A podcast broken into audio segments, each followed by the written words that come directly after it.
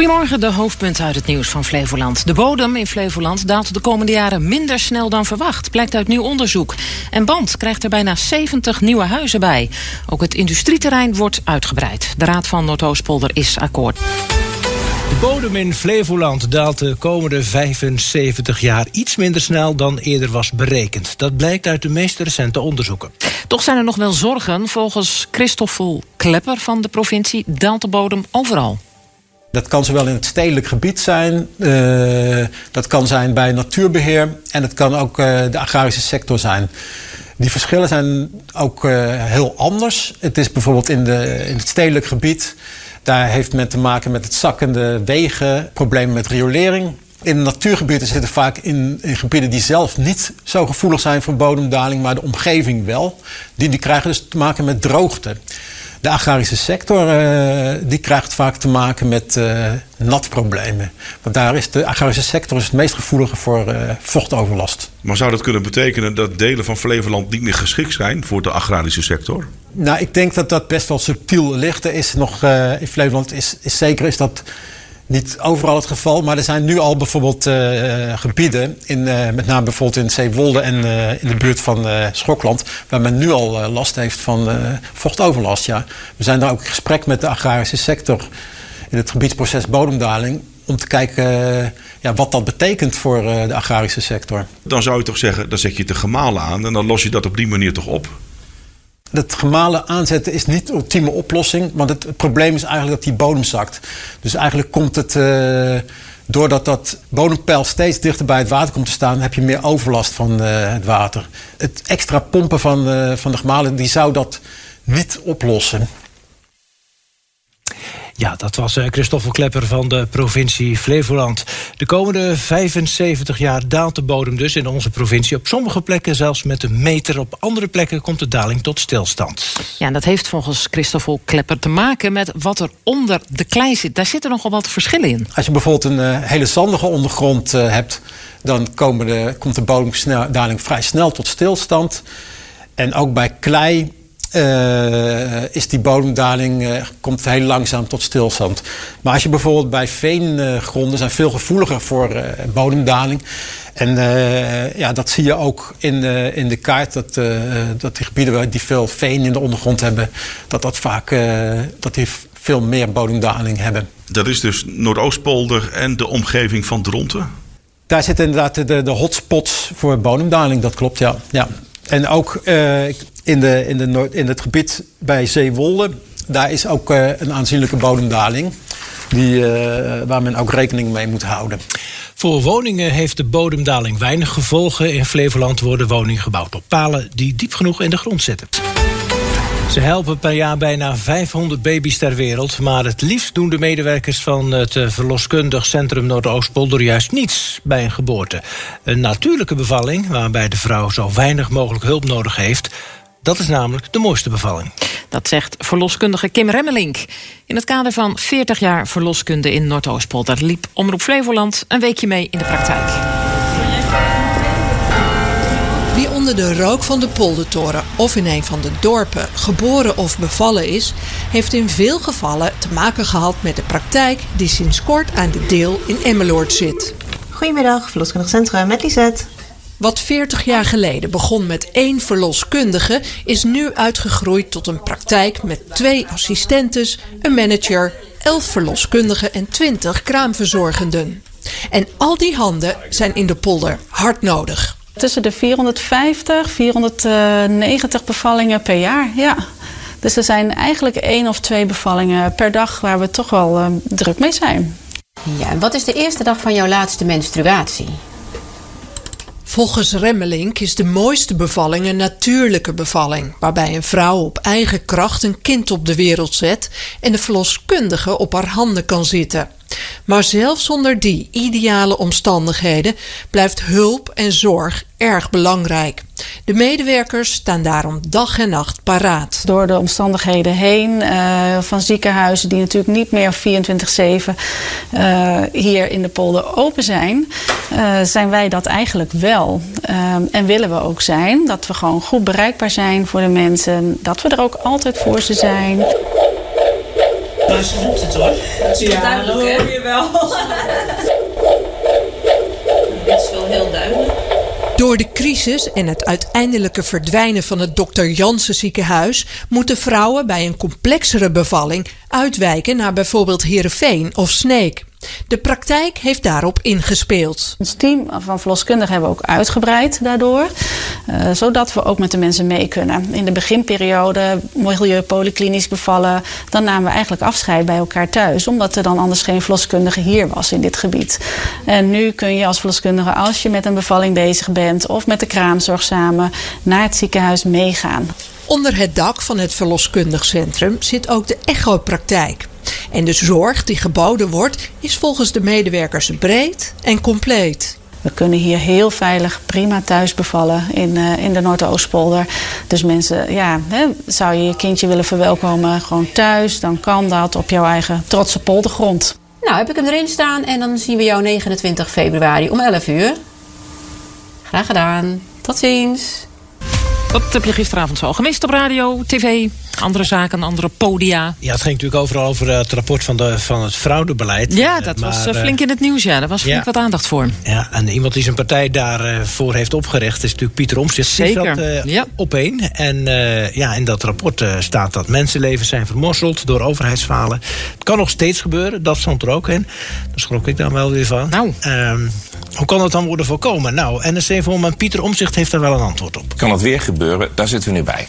En, daar zit, en dat is ook waarom we betere wetgeving echt moeten doen. We zijn soms in een week in de Kamer meer bezig met 30 leden debatten over iets wat een half jaar geleden in de krant stond. Ja. Dan het zorgvuldig nakijken of de wetgeving er is. Dus samen met Harry van der Molen van het CDA heb ik voorgesteld dat je wetten weer artikel voor artikel gaat behandelen. Dat duurt langer maar als er dan een fout in één artikel zit, kan dat grote gevolgen hebben voor een individu. Omzicht vindt het belangrijk dat de dingen anders gaan in de politiek. Dat betere bestuur is een voorwaarde mhm. voor het oplossen van andere crisis. Als wij zo doorgaan, niet alleen komt er dan een toeslagenschandaal, maar dan op een plek waar we het niet verwachten. Maar dan lossen we ook andere problemen van de stikstofcrisis tot de problemen met het leesonderwijs op de scholen niet op. Uitvoering dus. Ja. Dat is uitvoering en dat is je, je, je kerntaken goed doen. Ja.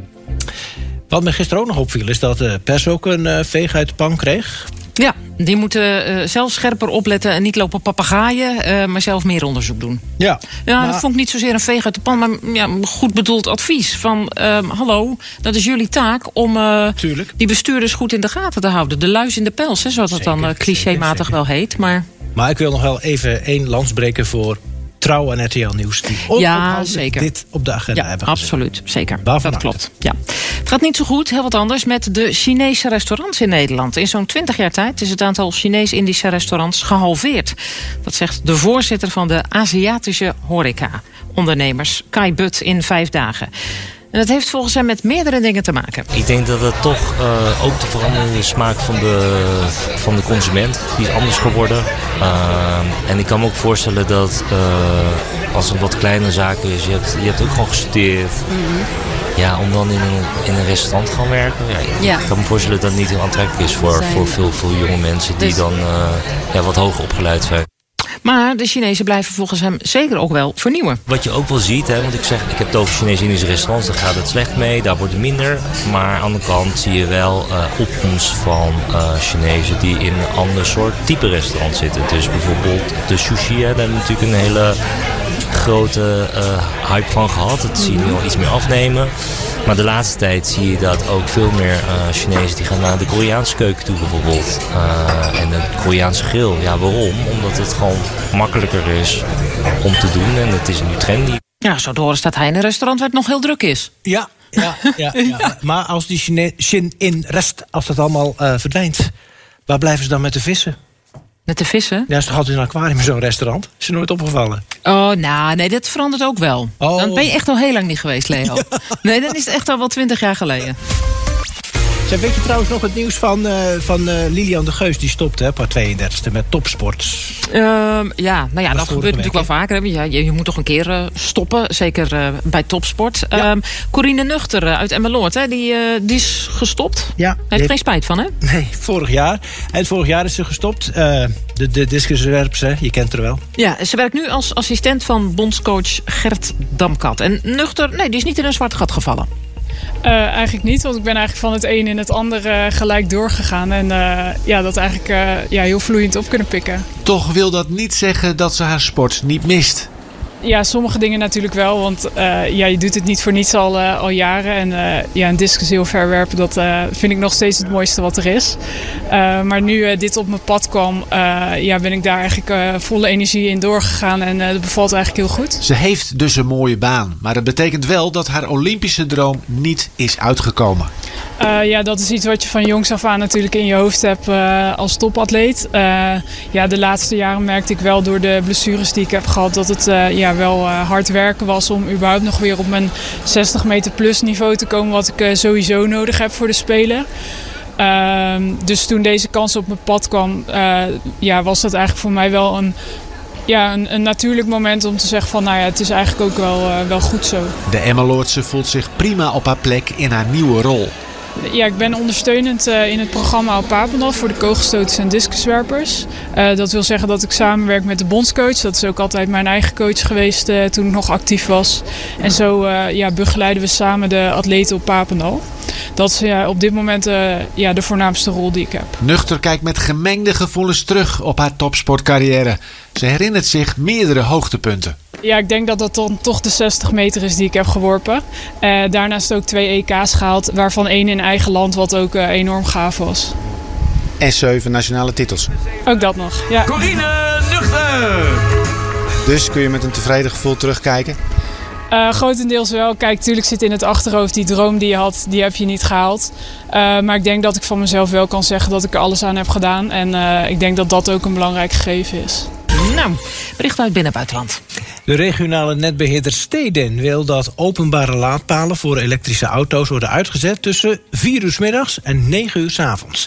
In die periode wordt er zoveel stroom gebruikt dat het elektriciteitsnet volgens Steden uit zijn voegen barst. Komt iedereen thuis, dan gaat de verwarming hoog. Dus dan komen alle warmtepompen ehm, online. Eh, mensen gaan elektrisch koken. Dus ja, daar, eh, daar moet dan de stroom naartoe. En bij voorkeur niet naar de auto's als het mogelijk is. Oké, sorry, ik moet hier meteen iets van zeggen. Deze man heeft duidelijk geen verstand van warmtepompen. Oh? Ja. Nee, nee, want die Ja, warmtepompen, sorry hoor. die- Die, die, die, die, draait soms een hele dag. Die staat een hele dag te stampen. Ja, want de warmtepomp, daar wordt altijd bij geadviseerd om die niet lager te zetten als je weggaat. Zodat hij bij moet plussen als hij ja, terugkomt. precies. Toch? Dat heeft geen zin. Dat is met gas handig, maar niet met warmtepomp. Nee, en bovendien, hij zegt, Ah. over, je, zet je de kachel aan als je thuis komt. Nou ja, tegenwoordig eh, heb je allemaal van die programmaatjes... dat je hem al wat eerder aan kan zetten, zodat, het, eh, zodat je het warm hebt als je thuis komt. En bovendien, deze man vergeet geloof ik heel de zomer. Ja. Wat ik zeg, als je zonnepanelen hebt... helemaal nou ja, niet aan. hè, die zonnepanelen, nou, dat, is, dat gaat ook flink. Die, die, die eh, zomers, mooie zomerse dag, flink wat zon. Ja, dan wordt er toch 9 heel veel aan het net geleverd. Ja, dan zou ik meteen opmaken. Ik snap er helemaal niks van hoor. Nee, maar goed. Nou ja, als, er, ehm, als dat niet gebeurt wat die man net zegt... dan eh, kunnen straks minder huizen worden aangesloten op het stroomnet. Zo waarschuwt Steden. Het laagspanningsnet is eh, in Nederland niet gebouwd... voor elektrische auto's en warmtepompen. Dat is wel waar. Ja, ja, Daarom gaat er één op de drie straten in Nederland de komende jaren op de schop... om dikkere kabels te leggen en extra transformatorhuisjes te Het bouwen. wordt steeds erger, joh. Het lijkt een beetje op een pleidooi om eh, nog maar eh, nog langer te wachten met de aanschaf van een elektrische auto. Eh, eh, oh, op zolder Oh, wat heb je op zolder staan? ligt nog een gasfornuisje. Zo'n plaat. Dus ik kan zomaar een elektrische plaat eruit gooien... en een gasding er weer erin. Als Ja, maar alles kan. Ja. We gaan naar eh, Brabant, want er zijn problemen op begraafplaatsen. Door de vele regen van de afgelopen tijd wordt het zand rond de graven weggespoeld... en ontstaan er kierengaten en zelfs verzakkingen. Nou, in Hezen is daarom al een begraafplaats bijna twee maanden lang dicht. Deze beheerder van een andere begraafplaats... die zit echt met eh, zijn laarzen centimeters diep in de modder. Je krijgt eigenlijk drijfzand. En op die plekken eh, waar je drijfzand krijgt, krijgt eh, het zand de neiging om naar binnen te gaan. Je kijkt hier echt gewoon erin, hè? Je kijkt er echt helemaal in, ja. Wij willen graag dat, dat die doden dat die hier netjes liggen, netjes begraven liggen. Ja, dat is natuurlijk wel de bedoeling. Dat is wel, wel eh, triest natuurlijk juist daar. Ja. Willem van Hanegem die is op zijn 80ste verjaardagsfeest verrast met een lintje. De burgemeester van Bloemendaal, Ankie Broekers-Knol. Oh, ze is zij de burgemeester. Mhm, die, ja. die reikt hem uit. Het heeft onze koning namelijk behaagd.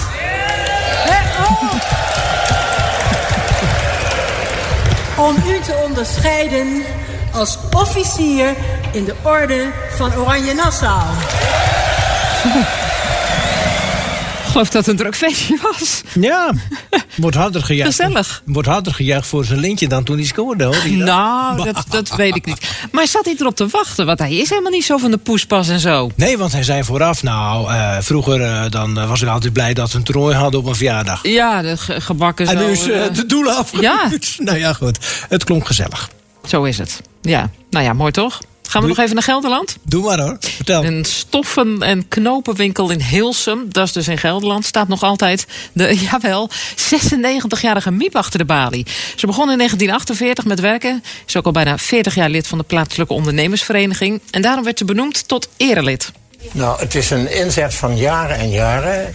Dat mag wel eens gewaardeerd worden. En op deze manier hopen we daar gewoon een groot compliment en blijk van waardering uit te delen. Dat is het. Nooit verwacht. Dat vind ik heel fijn hoor. 96. Ja. Nou, jemig. Dat, ja, dat is echt Moet een beetje die, af. eh, staat hij nog steeds in de winkel dus? Ja, maar dit zou je zeggen, gaat ze niet eens een keer met pensioen? Nee. En dan moet ik de hele dag binnen gaan zitten. Nee, dat is niks voor mij hoor. Ah, dat is ook heel Nee. wat. Ja. Geweldig. Ja. Ja, ze hoopt nog heel lang door te kunnen gaan met het eh, repareren van kleding. Nou, dan hebben we nog wel wat Fantastisch. Gaan we daar een voorbeeld aan nemen, deze Miep? Ja hoor.